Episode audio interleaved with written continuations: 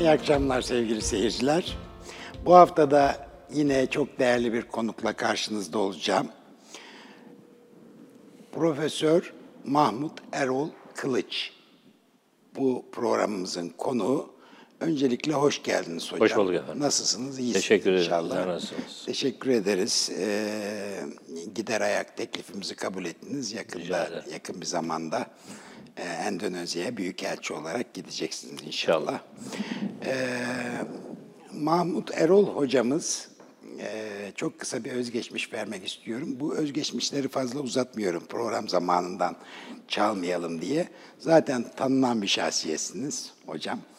Ee, isteyen de arayıp buluyor yani özgeçmişleri. Çok kolay bir şey ama şunları söylemek isterim. Tabii e, Siyasal Bilgiler Fakültesinden mezun oldunuz. Mezuniyetiniz orası. Evet, İstanbul Üniversitesi Siyasal Bilgiler. Ama sonra e, bir yön değişikliği var. Yani yön Diyebilir miyiz? Diyemez miyiz? bana göre değil. Değil, Yani değişen bir yön yok. Ee, şöyle hani siyasal bilgilerden mezun olduktan sonra siyasal bilgiler mezunu olanların işte Türkiye'de bürokraside, kamuda Evet. e, aldıkları belirli görevler ya, var. evet. evet. Ee, bu bana rahmetli babamın işte siyasal bilgilerden mezun olduktan sonra ne zaman kaymakam olacaksın, Evet. ne zaman vali olacaksın e, diye bir beklentisi vardı. Onu da hatırlattırdı bana. Ee, Daha sonra doktora yapıyordum. Ee, Baba dedim doktora yapıyorum. E sen tıp mezun değilsin ki dedi yani. Onu hatırlattı. Olmuş. Doğru. Ee, şöyle yani insanın bir e, e, felsefi arayışları vardır, bir teorik, nazari çalışmaları vardır. Bir de mesleki olarak mezun olduğunuz bir okul vardır. Evet. Ee, ben hasbelkader siyasal bilgiler puanım öyle tuttu. O zamanlar üst- öyleydi Onun biraz, üstünde tıp fakültesi, e, tıbbı hala severim. Tıp fakültesi tutmuştu. Tutsaydı, Tutsaydı- e, hekim olacaktınız. Hekim olacaktım. Tutmadı. Siyasal bilgileri mezun oldum. Onun altında başka fakülteler vardı diyelim. Ama onlar da tutabilirdi. Ee, ama benim bu şu anki ilgi alanlarım değişmezdi. Onlar biraz bana yapışık şeyler. İster tıp olsun, ister hukuk olsun. Sonuç itibariyle ben bu yola girecektim Evet, diyorsunuz. evet, evet, yani. Evet, e, yol derken neyi kastediyoruz? Hocam Siyasal Bilgiler Fakültesini bitirdikten sonra e, asistan olarak göreve başladığı Marmara Üniversitesi İslam Felsefesi Anabilim Dalı'nda Türkiye'de de ilk inceleme, araştırma bu. İslam kaynakları ışığında Hermes ve Hermetik Düşünce adlı tezinizi yazıyorsunuz. Bu daha sonra kitap olarak da basılıyor. Sonra e, tasavvuf ana bilim e, dalının kuruluşunun ardından da e, İbn Arabi'de Varlık ve Mertebeleri adlı bir yine bir tez yazıyorsunuz. Bu da daha sonra kitap olarak basıldı. Hocamın çok sayıda kitabı ve makalesi var. Bunları sayarsak programın süresi yetmeyecek. O nedenle biz konumuza girmek istiyoruz. Yani şu anda sevgili seyirciler soyut şeyler ekonomisinde hem e, mülkiyeli hem yazar, bilim adamı öncelikle, yazar ve diplomat bir e, şahsiyetle karşı karşıyayız. Yani bir bakımdan baktığımızda on parmağında on marifetle diyebiliriz. Ee, bu kadar vasfı, bu kadar niteliği bünyesinde birleştirilmiş bir e, hocamızla da e, soyut şeyler ekonomisi bağlamında konuşacağımız gerçekten çok fazla şey var. Öncelikle Endonezya'ya gidişi, yani bir büyükelçi olarak Endonezya'ya gidişi, orada Endonezya'da Türkiye'yi temsil edecek olması bizim açımızdan önemli.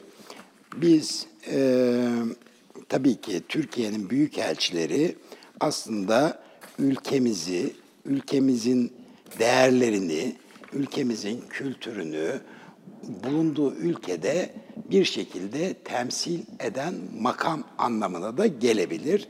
Nitekim bir e, İslam felsefesi dalında doktora yapan, tasavvuf dalında araştırmalar, incelemeler yapan bir hocanın eee büyükelçi olması ne anlama geliyor diye bazı sorular olmuş. Siz de onlara cevap vermişsiniz. Ama köken olarak da zaten siyasal bilgiler mezunusunuz. Birkaç cümleyle bize bunu bir daha açıklayın. Şimdi şöyle efendim, e, ilimler e, e, ikiye ayrılırlar. E, nazari ve tatbiki ilimler eski tabirle.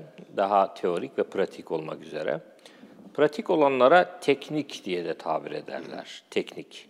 Mesela şöyle bir benzetme yapayım. Evet. E, klasik tarzda düşünüldüğünde e, muhasebecilik diye bir ilim dalı yoktur. O ilmin aslı ekonomidir. Ekonomi diye bir ilim vardır. Evet. Vardır. O ekonomi ana ilminin altında belirli e, ihtisaslaşma dediğimiz spesiyal alanlar vardır. Bunlardan bir tanesi muhasebeciliktir. Başkaları da var. Siz de daha iyi biliyorsunuz. Dolayısıyla ekonomiyi tahsil eden, ekonomi ilmini tahsil eden birisi iki aylık, bilemediniz bir aylık bir kursla muhasebecilik tekniklerini öğrenebilir. Eğer ekonomiyi iyice öğrenmişse. Evet. Ee, bunu bizim sahaya tatbik ettiğimiz zaman e, siyasal bilimler, özellikle Türkiye'de, e, özellikle Türkiye'de derken vurgun benim o yönde, Türkiye'de bazı üniversiteler pratik ihtiyaçları karşılamak üzere formatlanmışlardır.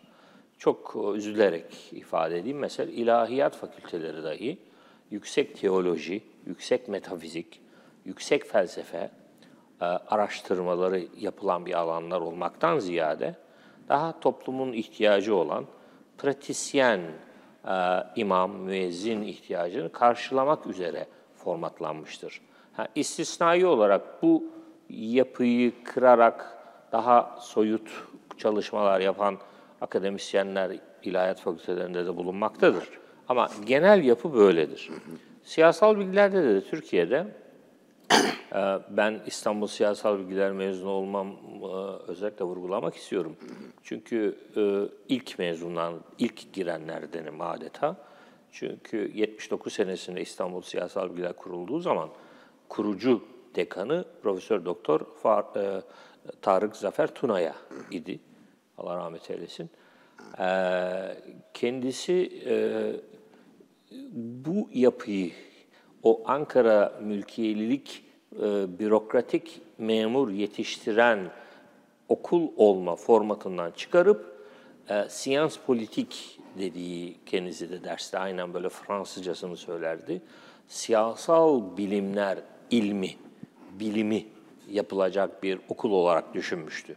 Ve ilk iki sene gerçekten bu şekilde dersler gördük biz. Çok teorik dersler daha ağırlıklıydı.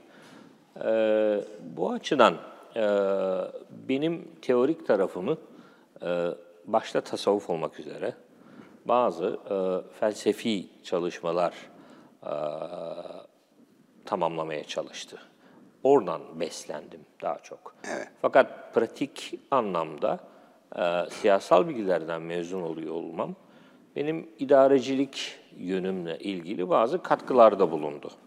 İdareciliğin de aslında soyut ilimlerle de irtibatı vardır. Yani Evet, ne kadar o konulara girilebilir bilmiyorum ama mesela bir astrolojiyle irtibatı vardır. Bakacağız zuhurat hocam Evet. böyle gidiyor. Eyvallah, eyvallah.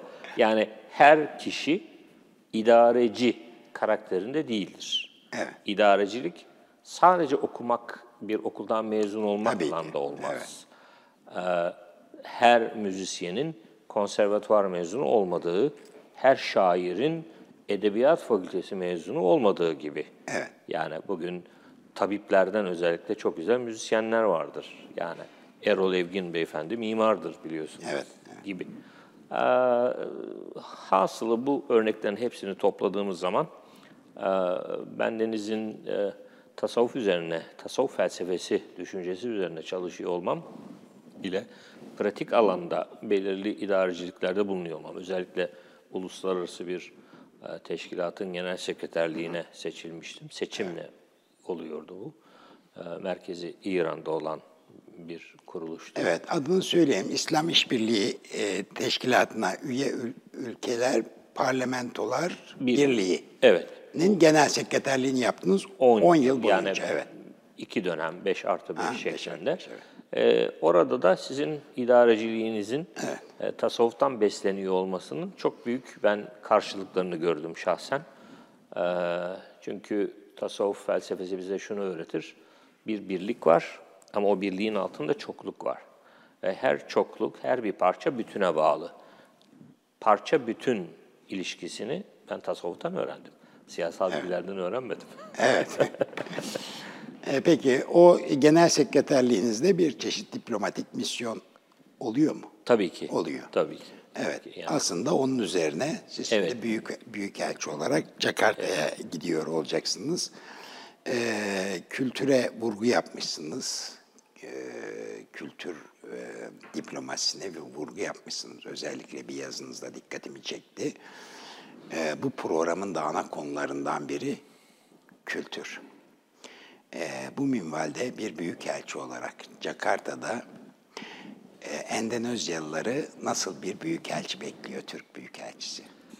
Şimdi e, uluslararası ilişkiler yani ülkeler arası e, ilişkileri diplomasi dediğimiz ilim altında e, topladığımız zaman e, bu e, alanda çalışanlar diplomasiyi de sadece devletlerin daha doğrusu hükümetlerin dış işleri üzerinden yürütülen bir faaliyet olarak e, planlarlar.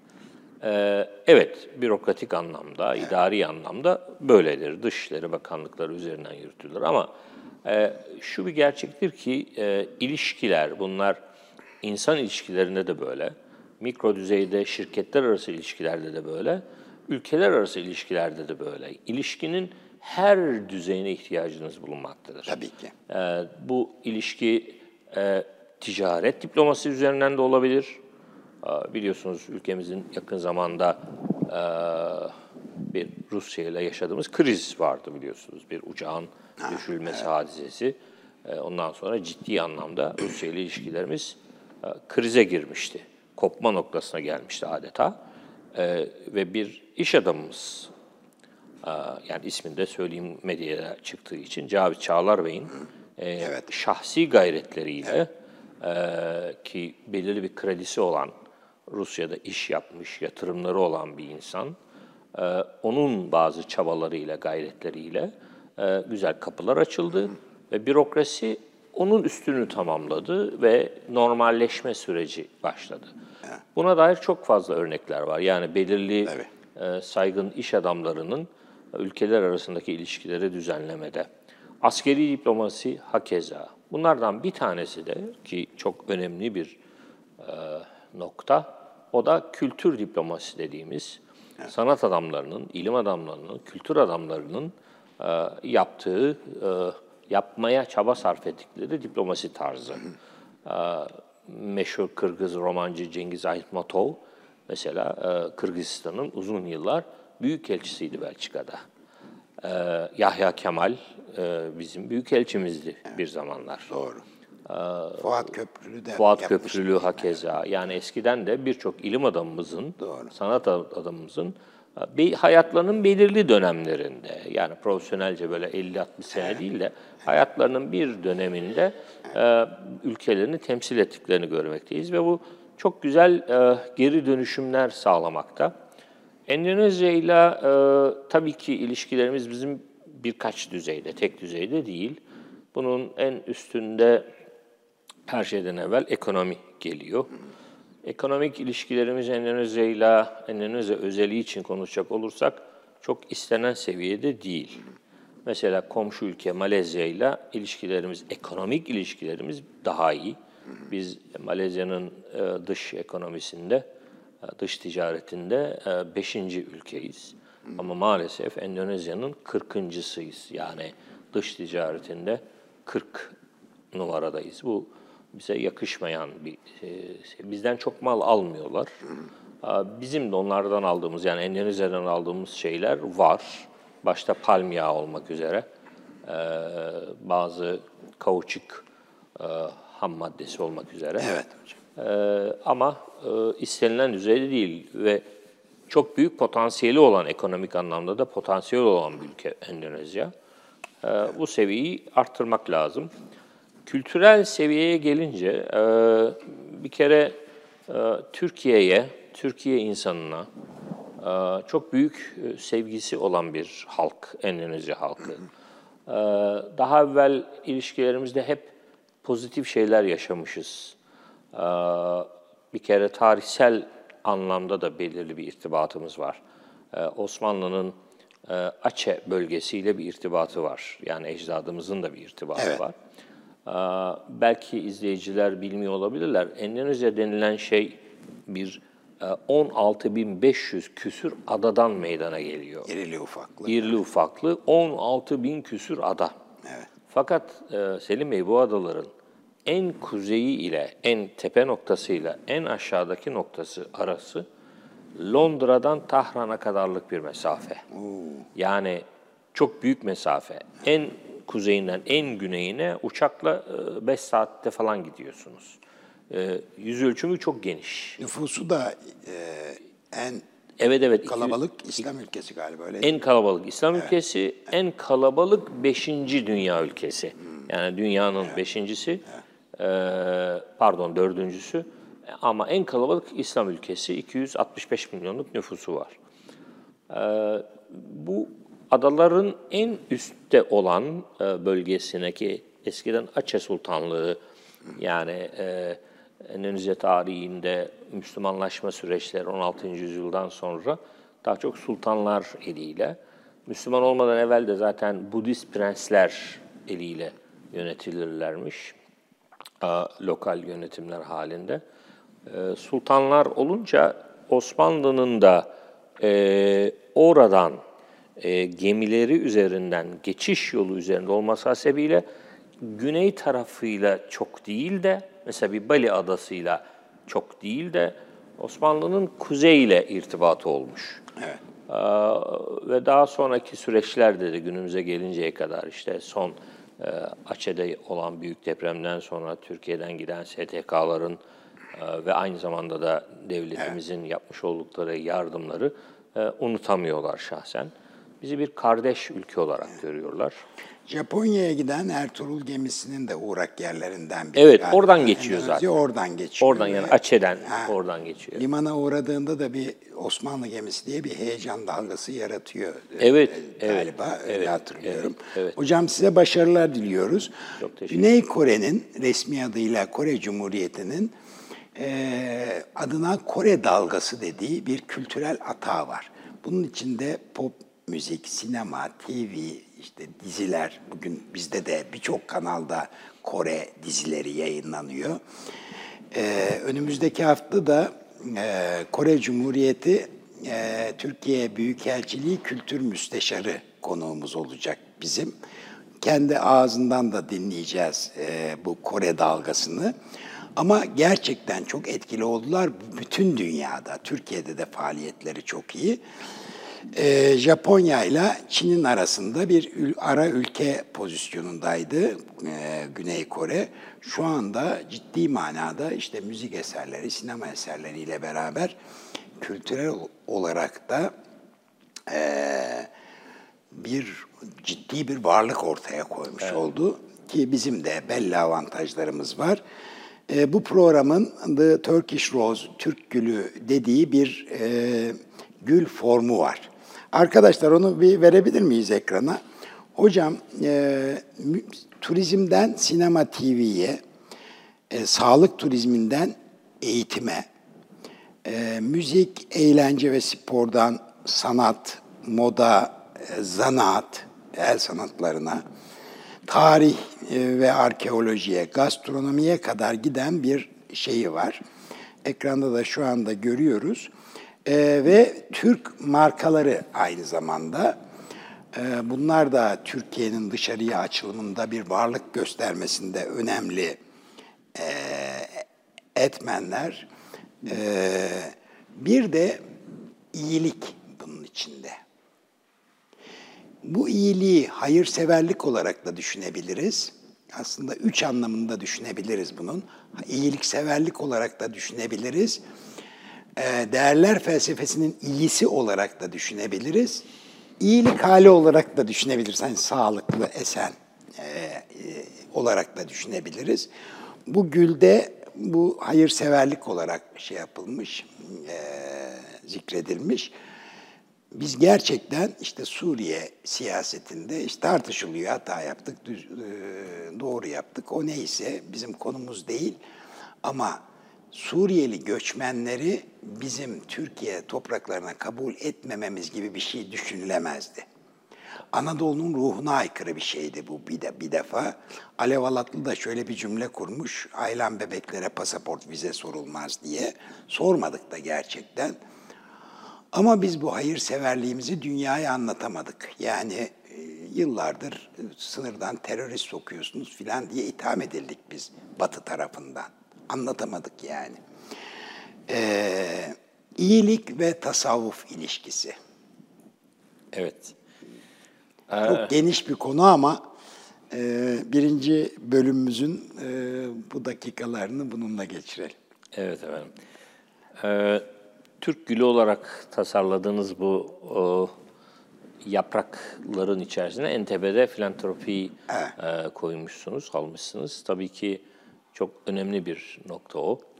Ee, bunun tarihsel kökenleri olarak zaten e, gerek yabancı seyyahların e, Osmanlı'ya, Osmanlı'dan evvel Selçuklu'ya, yani Anadolu dediğimiz coğrafyaya gelen yabancıların da birinci olarak söyledikleri şeyler e, Anadolu insanının, e, Türk insanının ne kadar yardımsever, misafirperver olduğu ona dair e, bu bütün seyahatnamelerde geçen bir hususiyettir. Ayrıca bizim dinimizin de yani İslam dininin de en önemli hususlarından bir tanesi komşun açken tok yatan bizden değildir sözünde de olduğu gibi komşuluğu, e, muhtaç olanları e, çekip gözetmek, onların halini sormak gibi Anadolu insanı da zaten e, genlerinde var olan, gen derken burada evet. fiziksel, tıbbi geni kastetmiyorum, evet. kültürel genleri Genlerinde o. kastediyorum. Onda var olan bu e, noktalar, bu etmenler, bu itici e, amillerle e, insanımız gerçekten her zaman kapılarını muhtaç olanlara açmışlardır. Tabii ki bunun teknik anlamda idaresinde sorunlar olmuş olabilir. Ee, yani göç hareketi daha iyi e, düzenlenebilirdi. Bazı yanlışlar yapıldı. Belirli bölgelere yoğunlaşmanın önüne geçilebilirdi. Ülke içerisine daha iyi tevzi edilebilirdi, dağıtılabilirdi falan. Onlar ayrı teknik, Teknik konular. konular, evet. Ee, ama dediğiniz gibi, sizin de vurgu yaptığınız gibi e, bizim o Aylan bebeğe ve onun gibi insanlara vize e, istemek veya pasaport sormak gibi bir e, insani lüksümüz olamazdı. Bu çok insani bir şeydir. Evet. Bunu o materyalistik düşüncenin çıkarcı ekonomilerin önde olduğu bir anlayışla bakıldığında belki küçümsenebilir. Bazı insanlar bunu ne gerek var ki diyebilirler ama görünmez el teorisi vardır ekonomide. Bunu da bilmelerini isterim. Hocam buraya reklamlardan sonra devam edelim mi? Olur peki. Sığdıramadık. Peki. tamam. Peki.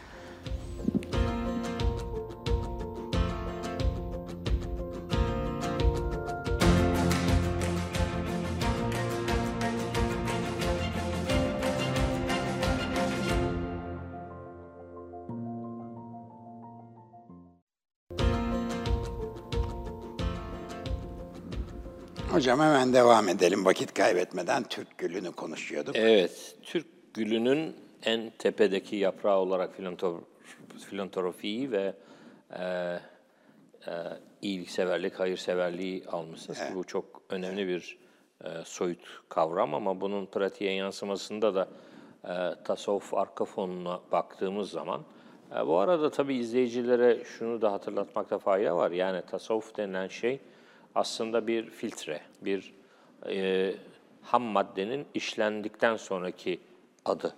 Bir ham maddenin işlenmiş adı. Yani tasavvuf bu topraklarda Anadolu'daki İslam'ın adıdır. Bunu da e, hani farklı bir şey olarak algılamasınlar. E, yeni bir şey mi icat ediliyor işte dinimiz varken gibi. E, Selçuklu Osmanlı'ya baktığımız zaman e, İslam bu topraklarda tasavvufi İslam'dı. Başka topraklarda başka yorumlar olabilir. Ee, Orta Doğu'da görüyoruz o değişik din yorumlarını, İslam yorumlarını ve sonuçlarını, neler yaptıklarını, Ee, ne tür e, sanat, estetik, edebiyat, mimari üretip üretemediklerini e, ve de insancılık üretip üretemediklerini ama bu topraklarda bir Yunus Emre, bir Hacı Bektaş Veli, bir Mevlana gibi gerçekten kurucu figürler, kurucu babalar e, bu topraklara sadece hayırseverlik, e, insanseverlik e, ve medeniyet tohumları ekmişlerdir. O ekilen tohumların da karşılığını biz bugüne kadar görmekteyiz. Bu ekiciler, bu toprağa tohum saçıcılar olmasaydı belki biz de hala kaba saba insanlar olabilirdik. Ama onların tezgahından, onların tornasından tabir caizse geçmiş insanlar e, zarif e, birer beyefendi haline geliyorlar. Anadolu baştan aşağı böyle bir e, tip doluydu. Yani Hakkari'nin en ücra köşesinden Edirne'nin en ücra köşesine kadar e, tasavvuf ocaklarıyla eğitilen insanlar. E, bu ocaklar e, Sünni olsun, e, Alevi olsun hepsinde böyleydi. E, orada insanlık dersi alırlardı, edeb erkan talim edilirdi. E, o tür insan da tabii ki ister istemez düşküne, fakire, yolda kalmışa yardım etmeyi birinci vazife olarak görürlerdi. Ve bunun da kaynağı Peygamber Efendimizin bir göçmen olarak, bir muhacir olarak Mekke'den Medine'ye geldiğinde Medine insanının onlara yönelik yaklaşımı, onlara misafirperverliğinin bir numunesidir, bir örneğidir bu. Ee, Dolayısıyla tasavvuf bize e, ister istemez diğer gam olmak, e, yardımsever olmak e, gibi bazı güzel hasletler de öğretmekte. Evet. Ee, dinimizden kaynaklı olarak. Ee, Bu bir itici güç olarak bugün dahi e, gerek Suriye olayında gerekse işte benim gitmek hazırlığında olduğum Endonezya olayındaki Endonezya çok sık e, tabii afetlerin olduğu bir coğrafya. Evet. Çok sık sallanan deprem olan bir yer. Orada tsunami neticesinde e, tahrip olan bölgelere Türkiye kökenli, yani dünyadan başka örgütler de var tabii ki de ama Türkiye kökenli e, değişik STK'ların, sivil toplum kuruluşlarının yapmış oldukları yardımlar, açtıkları yetimhaneler, aşhaneler efendim e, ve nakdi ve mali yardımlar hala o yöre halkı tarafından unutulamıyor. Bunlar çok güzel hasletler, çok güzel özellikler, manevi özellikler bunlar, manevi geri dönüşümü olan şeyler. Ee, tabii bunu günümüz materyalistik felsefesinde, anlayışında e, ne gerek var ki diye bakanlar olabiliyor. Ee, hayır, büyüklük, büyük devlet olmanın özelliği e, bu şekildedir. Yani Evet, hala şu anda çok öndeyiz yani. Tabii, tabii, Dünya ülkelerine göre bu yardımlar konusunda evet, eee, çok ilerideyiz. Eee, hocam eee, bir de tabii Anadolu tasavvufu haddim değil karşınızda yorum yapmak ama doğudan, güneyden ve bir de batıdan da besleniyor. Yani İbn Arabi eee, Endülüs'ten geliyor. Endülüs'ten geliyor yani. Evet. Mevlana doğudan geliyor. Mevlana doğudan geliyor ve ben bazen baktığımda hayretler içinde kalıyorum. İbn Arabi yani e, o kadar çok yer dolaşıyor ki bu Türk Hava Yolları'nın tarifeli uçaklarıyla gelmiyor yani. Ya, ya, Gerçekten ilginç yani. evet. Büyük bir serüven yani. Evet, çok doğru, çok Hem fikri e, yani benim aklım çok almıyor yani nedense. Yani gerçekten çok ilginç. O kadar yol Yani seyahat etmek e, aynı zamanda tasavvufta önemli bir eğitim metotlarından bir tanesidir. Yani siz bir kere bazı taassup taraflarınızı diğer insanları tanıyarak, ötekine dokanarak, görerek ancak telafi edebilirsiniz, tedavi edebilirsiniz. Yoksa siz sizin köyünüzden ibaret zannedersiniz bütün dünyayı. Ee, o da e, olmaz. Yani İbn Arabi gibi Endülüslü bir zat çıkıyor. Dediğiniz çok doğru. Fas, Cezayir, Tunus, Libya, Mısır üzerinden Orta Doğu'ya geliyor. Kabe'ye geliyor, Kudüs'e geliyor. Kudüs'te oturuyor. Yani Kudüs'te ders alıyor. Ee, Kudüs müftüsünün e, kızının sembolize edildiği bir şiir kitabı yazıyor. Ee, Sonra Kabe'ye gidiyor. Kabe'de murakabe esnasındayken bir sesle e, kalk ve Anadolu'ya git emrini alıyor. Evet. Yoksa Anadolu'ya gelme niyetinde miydi bilemiyoruz yani. Ama o emri alıyor. Neden alıyor? O da ayrı bir şey. Ya doğudan Mevlana aynı şekilde Anadolu'ya geliyor yani. Malatya, Konya e, havzasına yerleşiyor. Arabi de Konya, Malatya, Malatya'da Evet evet. var galiba. Malatya'da 10 küsür sene. Evet, 10 yani küsür sene. enteresan. e, orada e, sultanın e, şehzade yani çocuklarına öğretmenlik yapıyor, lalalıkta bulunuyor. Ki Osmanlı Devleti'nin kuruluşunda da fikri olarak Fikri olarak tabii ki yani işte onun talebelerinin yani İbn Arabi'nin yetiştirdiği talebelerin Saadettin Konevi üzerinden e, e, torunlar diyelim manevi torunlarının kurduğu bir yapı Şeyh Edebali, efendim Davudul Kayseri, Davudul Kayseri Osmanlı'nın ilk müderrisi, ilk baş müderrisi İznik medreselerinin. Eminim, evet. Ee, Daha sonra Şeyhülislamlık denilen hukuk müesseselerinin başı yani Anayasa Mahkemesi'nin başında olan kişi diyelim veya Danıştay'ın başındaki kişi Molla Hamza Fenari. Bunların hepsi o ekolün, o mektebin çocukları olarak. Dolayısıyla e, Osmanlı'nın kuruluş felsefesinde İbn Arabi'nin felsefesini çok bariz bir şekilde görmekteyiz. Bu net bir şekilde. Osmanlı deyince şimdi aklıma geldi. Bu tabirde de adım geçtiği için daha çok hoşuma gidiyor. Osmanlı medeniyeti üç temel üzerine inşa edilmiştir diyorlar. Ee, aklı selim, kalbi selim ve zevki selim. Ee, aslına bakarsanız bütün uygarlıklar bir şekilde bu sac ayağından nasiplenmişlerdir. Yoksa hani uygarlık olabilme şansları olmuyor. Moğollar gibi mesela. Hani Moğollar geldiler, yaktılar, yıktılar. Yüz sene bile sürmedi ömürleri burada öyle değil mi? Evet. Yani sonuç itibariyle iyi, doğru, güzel. Ee, dediğiniz çok doğru. Yani Selim sizin de isminiz o isimle müsemmasınız. Tabii bu bir e, ayet-i kerimeye dayanıyor. E, e, kalbin selim. Ben sizden herhangi bir şey istemiyorum. Sadece e, selim bir kalp istiyorum diye tercüme edebileceğimiz bir ayet bulunmakta. E, oradan düzgün bir akıl, düzgün bir yani aklı selim derken kastedilen bu. Ee, yoksa günümüzde de çok akıl sahibi olduğunu iddia eden insanlar var ama o akıl, modern akıl, aynı zamanda dünyayı tahrip eden akıl. Dünya bilim tarihçilerinden bir tanesi var, Jacob Needleman. Çin aklı üzerine çalışıyor daha çok ve Çinli ateşi biliyor diyor. Ve barutu ilk bulanlar da Çinliler diyor. Fakat ateşle barutu yan yana getirip Silah. kitlesel imha silahı üretmeyi bir türlü düşünemiyorlar. Çünkü Taocu felsefe buna mani oluyor. Ama ne yapıyorlar? O barutla o ateşi bir araya getirip havai fişek yapıyorlar. Evet, çatapat yapıyor Çatapat yapıyorlar. yani bu arka plan çok önemlidir. Zihniyet dünyası. Hani Max Weber'in tabiriyle o zihniyet dünyası çok önemli.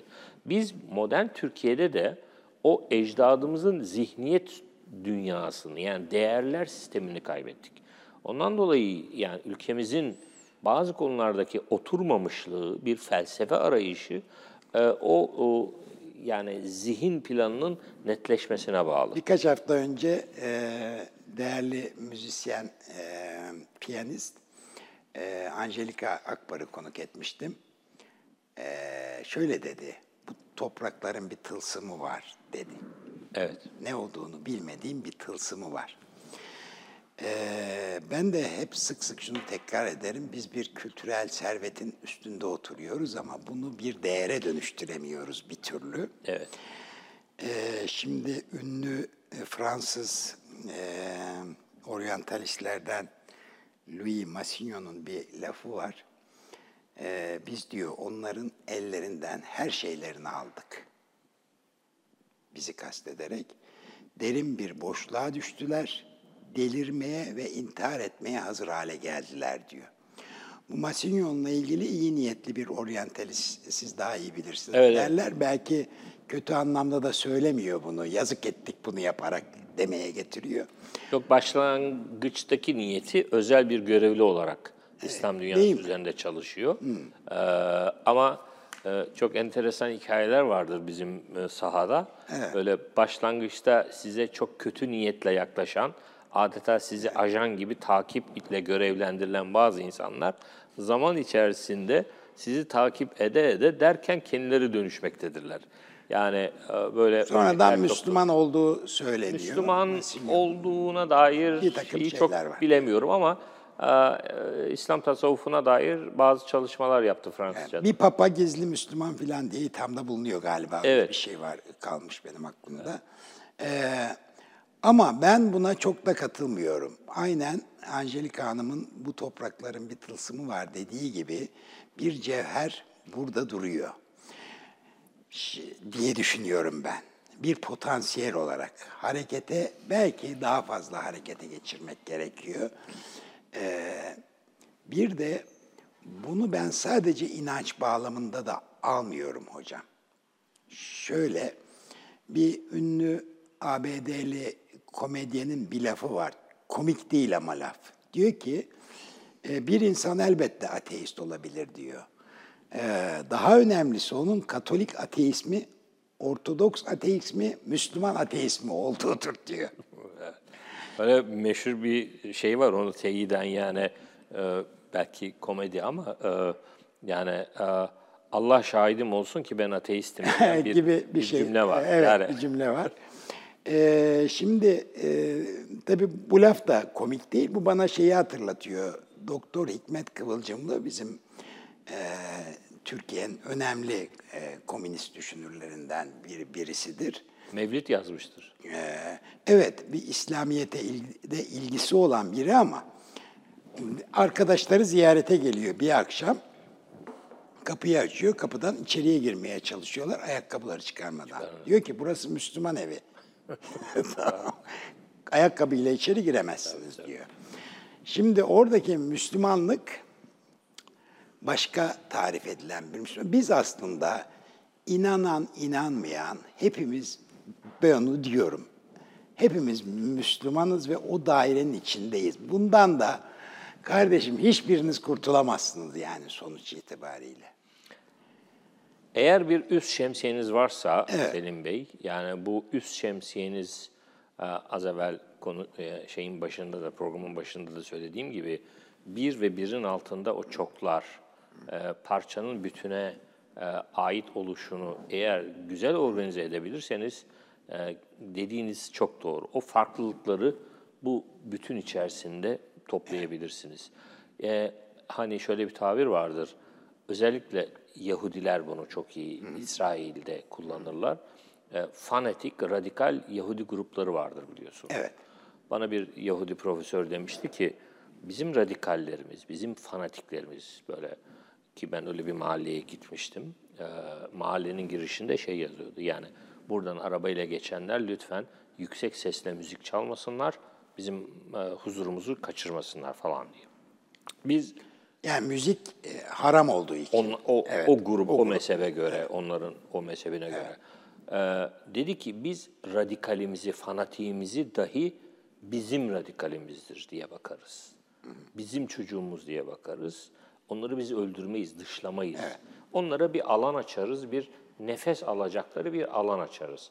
Ama ne zaman ki o alandan tutar da başkalarını rahatsız etmeye başlarsalar o zaman devlet müdahale eder.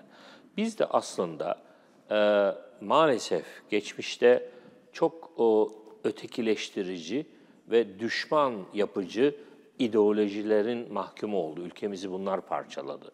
Yani kuzey, güney, e, zengin, fakir, bazı etnik ayrımlar ve beraberinde de e, işte Alevi, Sünni ayrımları ve sağ sol ayrımları. Yani ben bunu bir yazımda da dile getirmiştim. Bu ülkenin, bu ülkenin temiz bir solcu genci, komünist bir genci diyelim. Yani bizim üniversite yıllarımızda işte 70'lerin sonu, 80'lerin başında komünistler Moskova'ya diyerek e, kavgalar edilirdi. O komünist genç ne istiyor? Eşit gelir dağılımı İyi şeyler istiyor. iyi şeyler istiyor, değil mi? Ee, o da bizim ülkemizin insanıdır. Bu ülkenin ülkücü genci, ülkücü milliyetçi genci ne istiyor? Ya vatanıma namahrem eli değmesin diyor. Bayrağım inmesin diyor. Bunda yani bundan da solcuğun rahatsız olmaması lazım. Ee, ya bu çocuk faşist değil. O senin zannettiğin Hitler faşizmi değil bu. Bu çocuk vatansever. Buna patriotizm denir dünyada. Bu vatanı için istiyor. Senin nasıl eşit gelir dağılımı istediğin gibi bir ekonomik skala bu. O da vatanın e, namahrem eli değmesin, ezanlar susmasın, bayrak inmesin istiyor. Bu da ne kadar pozitif bir şey. İşte biz maalesef bu iki yaklaşımı veya dinci, İslamcı dediğimiz genç ne istiyor? İşte ben daha iyi Allah'a bir kul olayım bu topraklar üzerinde diye düşünüyor. Bu üç akımı, bu üç e, niyeti, bu niyeti ki bunlar üçü de pozitif niyetler, bu niyetleri bir araya getirip onları harmanlayacak bir üst şemsiyeden mahrumduk maalesef. Ne yaptık aralarına? Şimdi nasılız? Ee, şimdi eski, eski derken 20-30 sene evvele nazaran belirli bir mesafe kat edildi Daha ama iyi olmalıyız diyelim. ben İyi. o makasın hala daralmadığı kanaatindeyim. Hala düşmanlıklar var. Yani bir kesim diğer kesimi anlamıyor. Ee, O kesim öbür kesimi e, anlamamakta direniyor. Böyle bir gettolar var. Ee, O gettolar yani düşünce gettoları bunlar. Siz belirli bir ideolojiye bağlısınız. O ideolojinin yaşantısının olduğu yerleri yaşıyorsunuz. Yerlerde yaşıyorsunuz. Arkadaş çevreniz onlardan oluyor. Ee, ama bir başka dünya da var. Bu başka dünyaların da sizden haberi yok. Yani Türkiye'de farklı diller, farklı gruplar oluşmaya başladı. Kullanılan diller, dil bile değişti. Ee, bu özellikle üniversite gençleri arasında, işte benim de şu an üniversitede okuyan bir kızım var. Ee, e, farklı diller olduğu söyleniyor. Yani e, geliş kökeni, background'ı itibariyle hangi çevreden geliyorsa o genç, diğeri farklı yerden geliyor. Sanki Amerika Birleşik Devletleri'nde okuyan farklı ülkelerden gelen öğrenciler gibiler. Hepsi bu ülkenin çocukları aslında. Evet, biz iletişimciyiz ya hocam. Evet. İletişimde ortak deneyim alanı ya da ortak referans alanı diye bir şey vardır. Evet. İletişimi ancak onun üzerinden yapabilirsiniz. Yani ortak bir referans alanı bulamazsanız nasıl iletişeceksiniz sonuçta? Bu en ulvi şeylerden bir gofrete kadar, bir gofret reklamına kadar hepsi iletişim dairesi Tabii, içinde. Her biri içinde bu ortak ref- referans alanını bulmak zorundayız. Tabii. Biz şimdi o referans alanını e, aramıyoruz bence. Doğru. Öyle değil mi? Maalesef. Şimdi e, elbette ki... Ya şimdi- benim o şemsiye dediğim şey. Evet, evet. Şimdi, e, şimdi Descartes'a göre mesela vicdan ortak referans alanı e, Descartes'a göre veya kimilerine göre mantık, e, kimilerine göre matematik 2 2 4. Şimdi e, bir yerden bir bir referans bulmadan iletişim kurmak mümkün değil. Evet doğru. doğru Evet. doğru. Şimdi biraz önce çok güzel ifade ettiğiniz gibi işte siya, farklı siyasi görüşlere ait insanların bir e, niyetleri üzerinden bir değerlendirmesini yaptınız. Kimse kimseye normalde itiraz edemeyecek gibidir yani sonuçta. Şimdi bu komünist vatansever değildir anlamına gelmez diğeri daha vatansever hissediyorsa kendini öyle değil mi? Şimdi demek ki var yani referans alanları. Tabii tabii tabii. Bunu tabii, arayıp bulmak. Tabii. e, yani e, milliyetçi, ülkücü bir gencin de toplumsal, Evet. sosyalist görüşleri olabilir. Evet. Toplumsal görüşleri Evet. olabilir. Evet. E, aynı şekilde e, solcu bir gencin Allah inancı yani dini bir tavrı da olabilir. Bu alanlar o kadar birbirine geçişken alanlar ki aslında Ama biz onları birbirinden kopardık. Tabii ki istisnai olarak hain, vatan düşmanı, Başka. ajan bir komünist olabilir. Aynı şekilde vatan düşmanı bir milliyetçi de olabilir. Ama sayıları sosyolojik olarak bu kadar mümkün olamaz. Yani Olamaz. memleketten Tabii, bu tabii, kadar. mümkün değil. Evet, Mümkün değil. Mümkün değil. Yani bir dindar da hain olabilir. Olabilir. Yani örneklerini gördük. Evet, gördük. Evet. Ee, o bakımdan bu e, komedyen Henry Youngman'ın ifadesini ben e, bir bakımdan önemsiyorum. Biz bu dairenin dışına çıkamayız hiçbirimiz. O zaman burayı büyütelim. Öyle değil mi? Evet. Büyütelim. Ee, sağcı, solcu, İslamcı, Alevi, Sünni, Türk, Kürt, Kürt. Ortak o kadar şeyimiz var ki ve bunu büyütebilecek imkanlarımız da var her bakımdan. Ama bunu yapabilmek için Selim Bey bizim her şeyden evvel bir çokluk felsefesi eğitimini almamız lazım.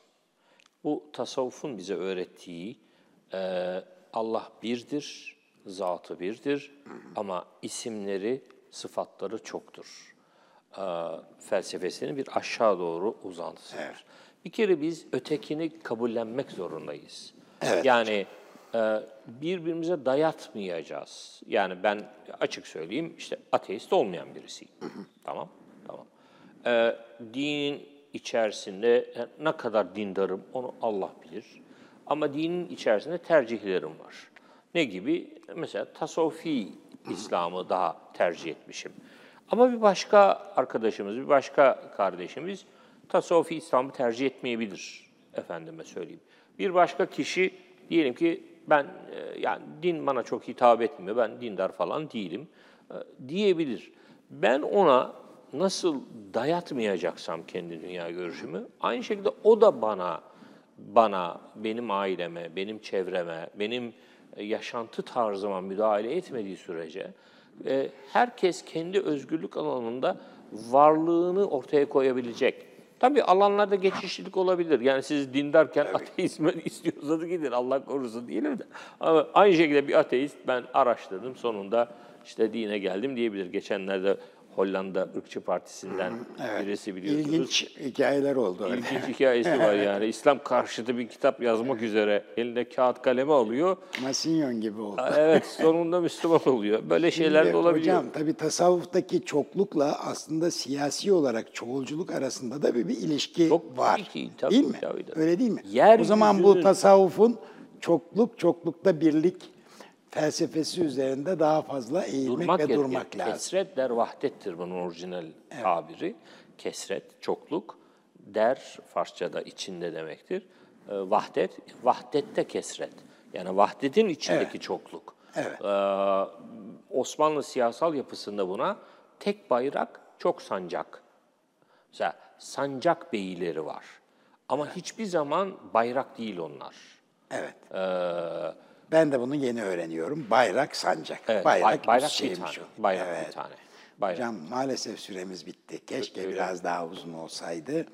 Size ben hayırlı yolculuklar, yeni teşekkür görevinizde çok Sağ olun. büyük başarılar diliyorum. Sağ olun efendim. Ee, ilgiyle de takip edeceğim ben sizi. Ziyaretinize de geliriz bakalım. İnşallah beklerim efendim. Ben de sizin programınızı izliyorum. Tamam, teşekkür Keyifli ederim. program yapıyorsunuz. Sağ, Sağ olun, olun. var olun. Çok teşekkür Sağ ediyorum. efendim. Sevgili seyirciler, iyi akşamlar diliyorum.